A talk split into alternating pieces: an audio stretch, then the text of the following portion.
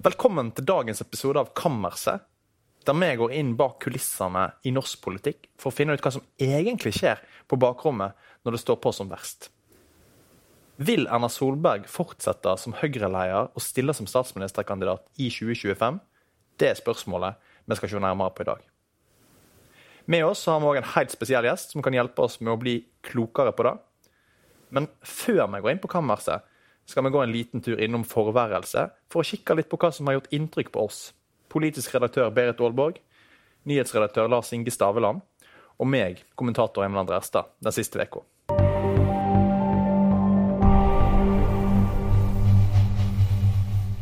Da er vi inne på, på forværelset, før vi går inn på kammerset. Eh, og uh, Berit Aalborg, Eh, Berit, som jeg kaller deg. Du er jo eh, politisk redaktør. Hva, hva, har gjort inntrykk på det den siste uka? Vet du hva som har gjort mest inntrykk på meg den siste uka, er rett og slett at Arbeiderpartiet på vårt lands måling har fått 18 mm. Og dette var jo den gamle ørnen i norsk politikk. da, ikke sant? De var det største partiet, de har sittet med mange regjeringer, de har styrt landet. Og For oss som har fulgt med lenge i politikken, så husker vi at i 1997 så gikk, trakk da Torbjørn Jagland hele partiet ut av regjering fordi at de fikk 36,9% Eller de, de, greide ikke å oppnå det de hadde eh, ønska.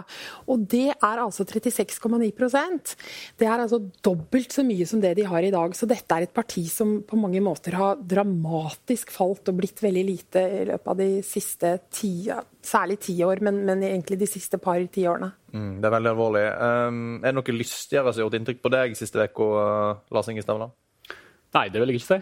Uh, men jeg har zooma litt ut. Uh, et annet parti. Uh, det kinesiske kommunistpartiet. Jeg har hørt på en podkast, The Prince, fra The Economist. Jeg kan anbefale den for alle som er litt interessert i Kina. Det er en fantastisk historie om Xi Jinping. han som vel nå ligger an til å kunne styre Kina så lenge han ønsker. og hvordan han har tatt over et parti. et parti som tidligere har forfulgt store deler av hans egen familie og titalls millioner andre. Han har tatt over det partiet. Han har styrt det i en ganske brutal retning. Eh, og min spådom at vi kommer til å høre veldig mye fra han også i norsk politikk. Og at kanskje han får mer å si for norsk politikk enn ja, Olaug Bollestad. Hvis det er mulig å si? Det er vel mulig å si. Uh, ja, jeg, jeg, også, jeg var sjuk og lå på sofaen denne uka. Og uh, hatt altfor mye tid til å sitte og se på Eh, der ingen skulle tro at noen kunne by på NRK. Som er et helt undervurdert eh, TV-program. Eh, veldig mange som elsker dette. Men noe av det som kanskje liksom, mest gjorde inntrykk på meg, det er liksom den her, han programlederen, Noralf Pedersen, og måten han klarer å fortelle disse historiene på. Det er nesten poesi. Jeg har sett så mange episoder de siste dagene nå at jeg, jeg forelsker meg liksom i i denne måten å fortelle disse her historiene om disse bor langt ute i utkanten, og som viser at Senterpartiet sin politikk ikke har virka. Eh... Emil, jeg tror ikke det er undervurdert. Altså, for Jeg var tilfeldigvis på en hurtigbåt i Nordland. og Da, jeg, da var det noen som liksom, tok opp en, en, del av denne serien, og da ble jeg liksom en statist da, på dette programmet. Og jeg har aldri fått så mye tilbakemeldinger på at jeg har vært på TV. Jeg har vært på TV mange andre ganger, men da fikk jeg masse masse tilbakemeldinger. Ja, mange som ser det. Ja, veldig bra. Da er vi klare for å gå inn på kammerset, og der sitter det en gjest og venter på oss. Eh, Norges mest kjente spinndoktor. Erna Solberg sin portvakter gjennom mange år. Frykta og respektert av journalistene. Selveste Sigbjørn Aanes fra Høyre, som nå jobber i First House.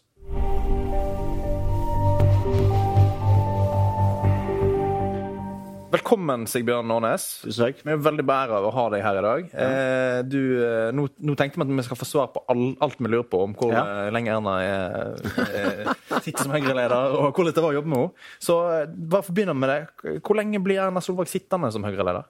Jeg tror blir sittende altså, Jeg tror det er vanskelig å si nå hvor lenge det blir. For jeg tror hennes motivasjon og ambisjon er 2025. Eh, og utsiktene er jo ganske gode. Eh, og så er det klart at eh, Samtidig så tror jeg Erna er, er, er der at, at, at, hvis det kommer Det er jo mange flinke talenter også i Høyre, og, og den dagen hun ser at det er bedre at noen andre overtar, så tror jeg, så tror jeg også hun kommer til å gjøre det. Men det er lenge til. Mm. Men Sigmund, ville du, hvis du visste når hun hadde planlagt å gå av, så ville du jo ikke sagt det til oss her nå, ikke sant? Nei, det, det er helt riktig, men, men, jeg vet ikke noe annet enn det jeg sier. Det, det Erna har sagt, det er det, det, samme som hun har sagt til alle. Så, men altså, hvordan, eh, hvordan, jobber Erna Solberg med tida etter Erna Solberg i Høyre? Mm. Eh, Hva du tenker på? En etterfølger, en eh, avtaker? Nei, altså det, det, det, Ernas klare tanke der har jo hele tida vært å dytte fram nye talenter. Når man var i regjering, gi de posisjoner i partiet. Det har vært et generasjonsskifte på, på nestledernivå. Og, og, der har nok også Erna har nok hatt i tankene det som nok gikk litt galt for Høyre for, for 20, 20, år siden, når man plutselig sto uten lederkandidater. Så det har vært, det har vært ganske bevisst hele tida. Og det gjør jo at, at i, i, Høyre er det jo egentlig ganske mange som, eh, som når du ser litt lengre frem i tid, kan ta over det, også partiet. Mm. Du sier at uh, det er langt frem i tid. Kan du, kan du si litt mer om det? Nei, Det er jo fordi at uh, hun stiller i 2025. Uh, og da er nok uh, muligheten relativt stor for at hun også kan bli statsminister igjen. Og da blir du jo sittende en stund. Og da, da, snakker vi jo plutselig ganske mange år framover. Mm. Du Berit, du har vært litt på tanken, eller hatt en følelse av at det kommer til å skje i denne perioden at Erna Solberg går av ja, altså, um, ja, det er mange ting som gjør at jeg syns liksom peker kanskje i den retninga. For det første så vil jeg jo si at hvis vi ser på statsminister i Norge, så har jo Erna sittet lenge, og hun har vært en ekstremt eh, populær og egentlig suksessrik statsminister. Så det å gå for en periode til er på en måte litt sånn eh, det, kan, det er ikke sikkert hun gjør det like bra da som hun har gjort det. Og det er, jeg er sikker på at det er også sånne ting som hun eh, tenker på. Og så um, så registrerer jeg, akkurat sånn som Sigbjørn sier, at hun har bygd opp nye folk. Og hun har klart det mye bedre enn man har klart i Arbeiderpartiet. Og det er, altså det er mange flinke folk. Du har Henrik Asheim, du har Tina Bru, du har Mathilde Tybring-Gjedde. Disse kan bekle og mange flere kan bekle ulike posisjoner i Høyre. Sånn at det at hun har faktisk nå har en del flinke folk, tyder på kanskje at hun liksom Ja, hun har bygd det opp, og hun kan på en måte trekke seg tilbake hvis hun ser at det gagner Høyre. Og jeg jeg tenker, orker hun en periode til når hun har sittet så lenge? Og så er det en ting til som jeg også har tenkt litt på, og det har vi snakka om, Emil. Det er det at um, Sindre har jo kommet med denne boka. Og for meg så er Sindre Finnes. Sindre, Sindre Finnes. Han har kommet med en bok nå. Og, og, jeg vil tenke at det ville være noe Erna ville sagt nei til hvis hun hadde tenkt å gå på en periode til som statsminister. Det er ikke sikkert det er riktig, men, men, men ikke sant eh, Nei, altså, jeg, jeg, tror, Bare for å skille den til For det første så, så, så er det jo Noen partier ser du ledere klamrer seg til makta.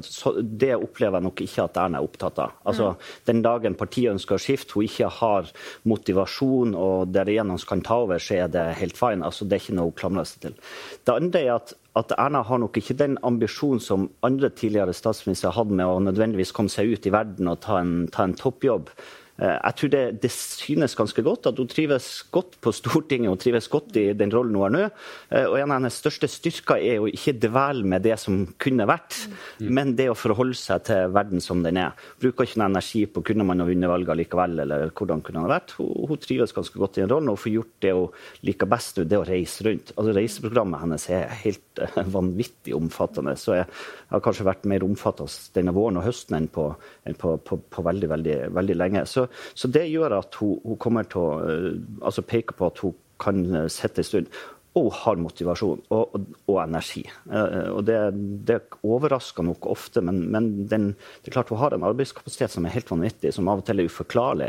Og det, jeg, jeg, ser jo i hvert fall, jeg opplever at hun er veldig motivert. Når det gjelder boka til Sindre, så er det så enkelt at Sindre må også av og til få gjøre sine ting. Det har, jo, det har man jo sett opp gjennom årene, og Erna også har vært statsminister, at, at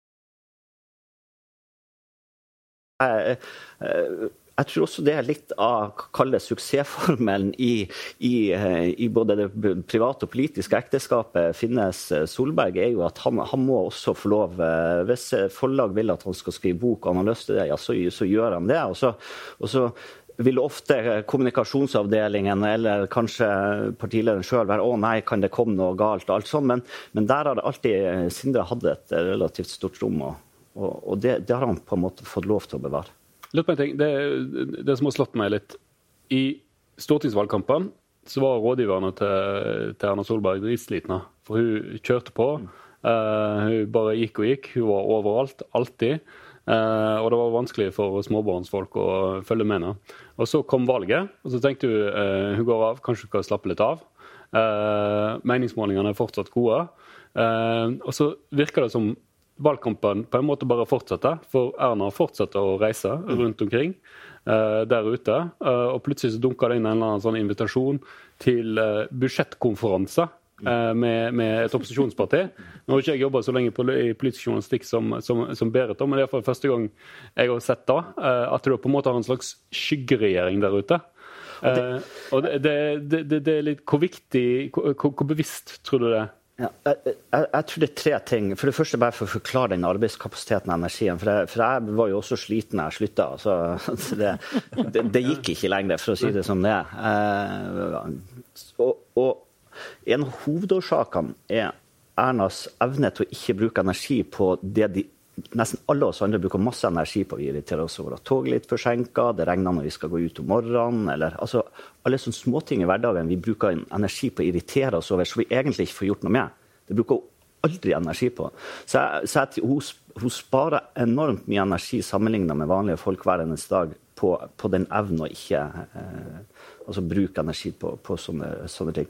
Det andre er, er, både på oppturer og nedturer så har hun, så har hun den, den egenskapen. Eh, og av og til når du skal feire en seier, så kan det, så kan det av og til være litt krevende for folk det er at når, når på en måte valgnatta er over, om du har vunnet eller tapt, så begynner hun den jobben hun skal gjøre dagen etterpå, det gjør hun. Hun bruker verken tid på å dyrke et nederlag eller på å feire en seier. Folkene rundt den har kanskje liksom litt mer behov for å feire? Av og til har folkene rundt mer behov for å føle på seieren og, og, og festen og alt det her, eller kanskje å slappe av etter, etter nederlaget. Der, der, er jo ikke det rett videre. Det, det husker jeg var en veldig spesiell opplevelse fra altså En ting er 2013, men kanskje spesielt 2017, som jo virkelig var en en slite, sliteseier.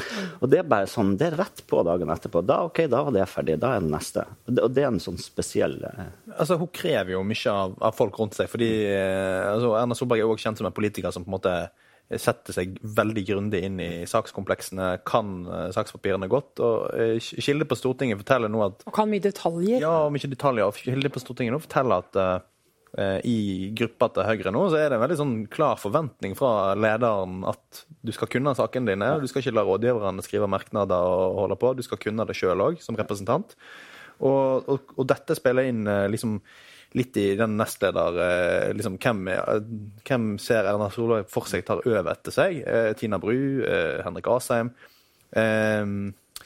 Hvordan er, det for disse å, å, jobbe så tett på Erna eh, og få disse kravene og forventningene mot seg, tror du? Jeg tror det er egentlig en veldig god, veldig god skole. fordi Jeg hørte nylig en podkast med, med, Erna, en sånn lederpodkast hvor hun forklarer hva, liksom, hva, har vært hennes suksess. Mm. Og Hun beskriver jo sin, sin suksess gjennom å, å, å kunne sakene veldig godt. Så hennes opplevelse at, at måten hun klarte å, å, bli en god statsminister, vært en god partileder og få en popularitet over tid, eh, var ikke for hun var den morsomste i rommet eller nødvendigvis hadde de mest karismatiske talene. Det var gjennom å bygge sakskunnskap. Og Det er nok en arv hun er veldig opptatt av å levere videre til, til de som skal ta over partiet etter hvert. Og, og, det vet jo vi som har jobba på Stortinget, at det er en del representanter som gjerne lar rådgivere skrive både merknader og innlegg. Og, og vi, vi, har jo eksempler fra representanter som kommer på talerstolen med en tale og så bare Oi, det var, ikke, det var kanskje ikke det innlegget jeg hadde tenkt å holde. Og, og det, er ikke, det, er, det, er ikke, det er ikke hennes metodikk. Der, der må man kunne saker sjøl. Sånn at hvis du kommer også også som representant og skal ha med eller overbevise her om en sak, så må du kunne saken. Det nytter ikke å bare komme med en følelse eller, eller noen tanker. Kan, kan, det være et slags eh, et, eh, Kanskje et problem for eh, en etterfølger? da, At de føler at de må være like god som Erna? Mm. Uh, Nei, det håper jeg ikke. For all, uh, all, historisk erfaring viser jo at det å prøve å kopiere noen andre uh, blir sjelden en suksess. Så du, du, du, kan aldri på en måte bli bedre enn originalen. og Det husker jeg, det var, det var en viktig del av, av, tankegangen inn mot 2013 når man laga dette prosjekt statsminister. at da jo, hadde Jens vært statsminister i åtte år sammenhengende, pluss litt til for det. en 18-åring visste ikke, altså trodde en statsminister skulle se ut som Jens skulle høres ut som Jens. Så, og da, da, da det, tenkte man grundig om hvordan kunne man hvordan kunne man på en måte diversifisere seg, vise fram annerledeshet? Rundt Jens skulle det være veldig perfekt. Her var det, Erna snakket mye om lese- og skrivevansker, og ting gikk litt på halv åtte, og det var de bildene hjemme fra rot og tus. Mm. Og, og, jeg tror en ny Høyre-leder kommer til å måtte være seg sjøl, og det kommer til å bli noe annet enn Erna. Men det, det, den grunnmuren med å kunne saken, den tror jeg kommer godt med uansett. Men du kan jeg spørre deg, for Erna gikk i noen tøffe runder før hun blei så populær som hun blei. Tror du hun sjøl er overraska, og var dere rundt henne overraska over at hun blei Hun fikk jo en slags sånn landsmoderstatus og hatt det, og som Lars Inge sier, hun, hun er jo som en slags skyggeregjering, og jeg følger ofte med på Facebook hvor hun er og ønsker folket god god helg og sånn. Så hun har jo den posisjonen. Hvordan, hvordan opplever hun sjøl det? Tror du at hun blei så populær som hun, som hun er blitt? Eh, paradoksalt nok så tror jeg hun har et ganske sånn saklig forhold til det. Ikke følelsesmessig, hvis du skjønner. Mm. Så, sånn at Hun lar seg nok ikke så følelsesmessig påvirke om, om det går ned eller, eller veldig opp. Eh, men, men, men, jeg tror nok den selvtilliten har jo selvfølgelig vokst mm. i takt med at du ser at det du gjør og måten du gjør ting på, egentlig med å, med å være deg sjøl, også blir tatt godt imot. Skal huske at Noen av de egenskapene som i dag gjør Erna Solberg mest populær, er eh, en del av de samme som ble kritisert mest mm. når, når, hun ikke var populær. Mm. Nemlig det at hun var, det at hun var for, altså at hun kunne sakene. som var, liksom, pressen bomba jo på at hun var for detaljorientert. Eh, det, det, at hun på en måte svarer på spørsmål fra pressen, for det har hun jo både en god og en lei tendens til å gjøre, det, det var liksom at hun var langtekkelig. og så, så, så, men det er, jo, det er, jo, disse egenskapene som faktisk har gjort henne mest populær hos folk. Og det er et paradoks. Men det, for meg, altså, sånn, Faglig så handler det også om måten man fremstiller og snakker om de egenskapene på. For Enhver egenskap hos oss alle har ei plusside og ei minusside. Og hvordan velger du å vektlegge disse egenskapene? Mm. Siste spørsmål før vi går videre. Eh, hvis du skal sette pengene dine på noe, mm. eh, blir det da at Erna Solberg går av i denne perioden, eller at hun stiller som statsminister? Nei, da blir det på at hun blir statsminister i 2025. Mm. Det, det er jeg villig til å sette penger på. Vi må videre i episoden, for vi har jo et fast punkt som vi har kalt Vekas uh, profeti, eller Ukas profeti, uh, der vi og gjesten skal komme med hver vår vågale profeti.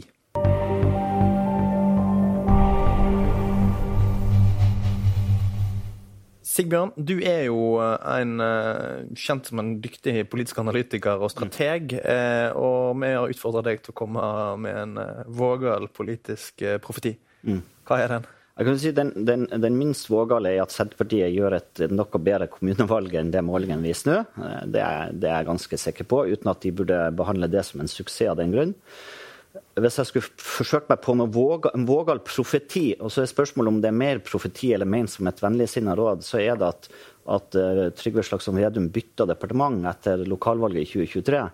Uh, og, og, grunnen til det, Dette har vi jo sett, det så vi med Kristin Halvorsen, vi så det med Siv Jensen. Finansministerposten er kanskje den vanskeligste kall det innenriksministerposten å kombinere med å være partileder. Du må ha en enorm tilstedeværelse i departementet for å, for, for å, på en måte håndtere det, den dagjobben finansministeriet er. Og det gjør det veldig vanskelig å kombinere med å være mye ute, som jo har vært mye av, av Vedums suksess, å være rundt i landet. Og, så, så, så, eh, så, eh, jeg tror kanskje han i hvert fall vil, kommer til, han kommer til å vurdere å, å bytte departement som gjør at han kan være enda mer partileder. Hva for departement tror du da? Nei, det, det, det, tror jeg er, er litt underordna. Det kunne vært kommunalminister eller, eller noe annet. Men, men samferdselsminister.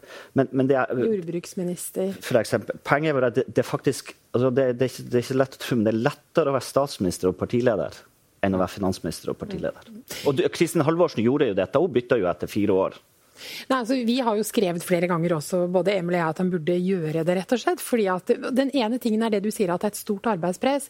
Den andre tingen som jeg har tenkt på, og som vi har snakka med i vårt land, er at hans personlighetstype Han framstår jo som en sånn veldig en slags sånn gladgutt i politikken.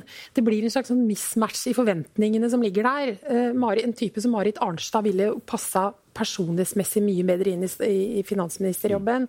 Så det er spennende å se om det skjer. Altså. Men, men det er mange som spår at Senterpartiet vil gå ut av regjering.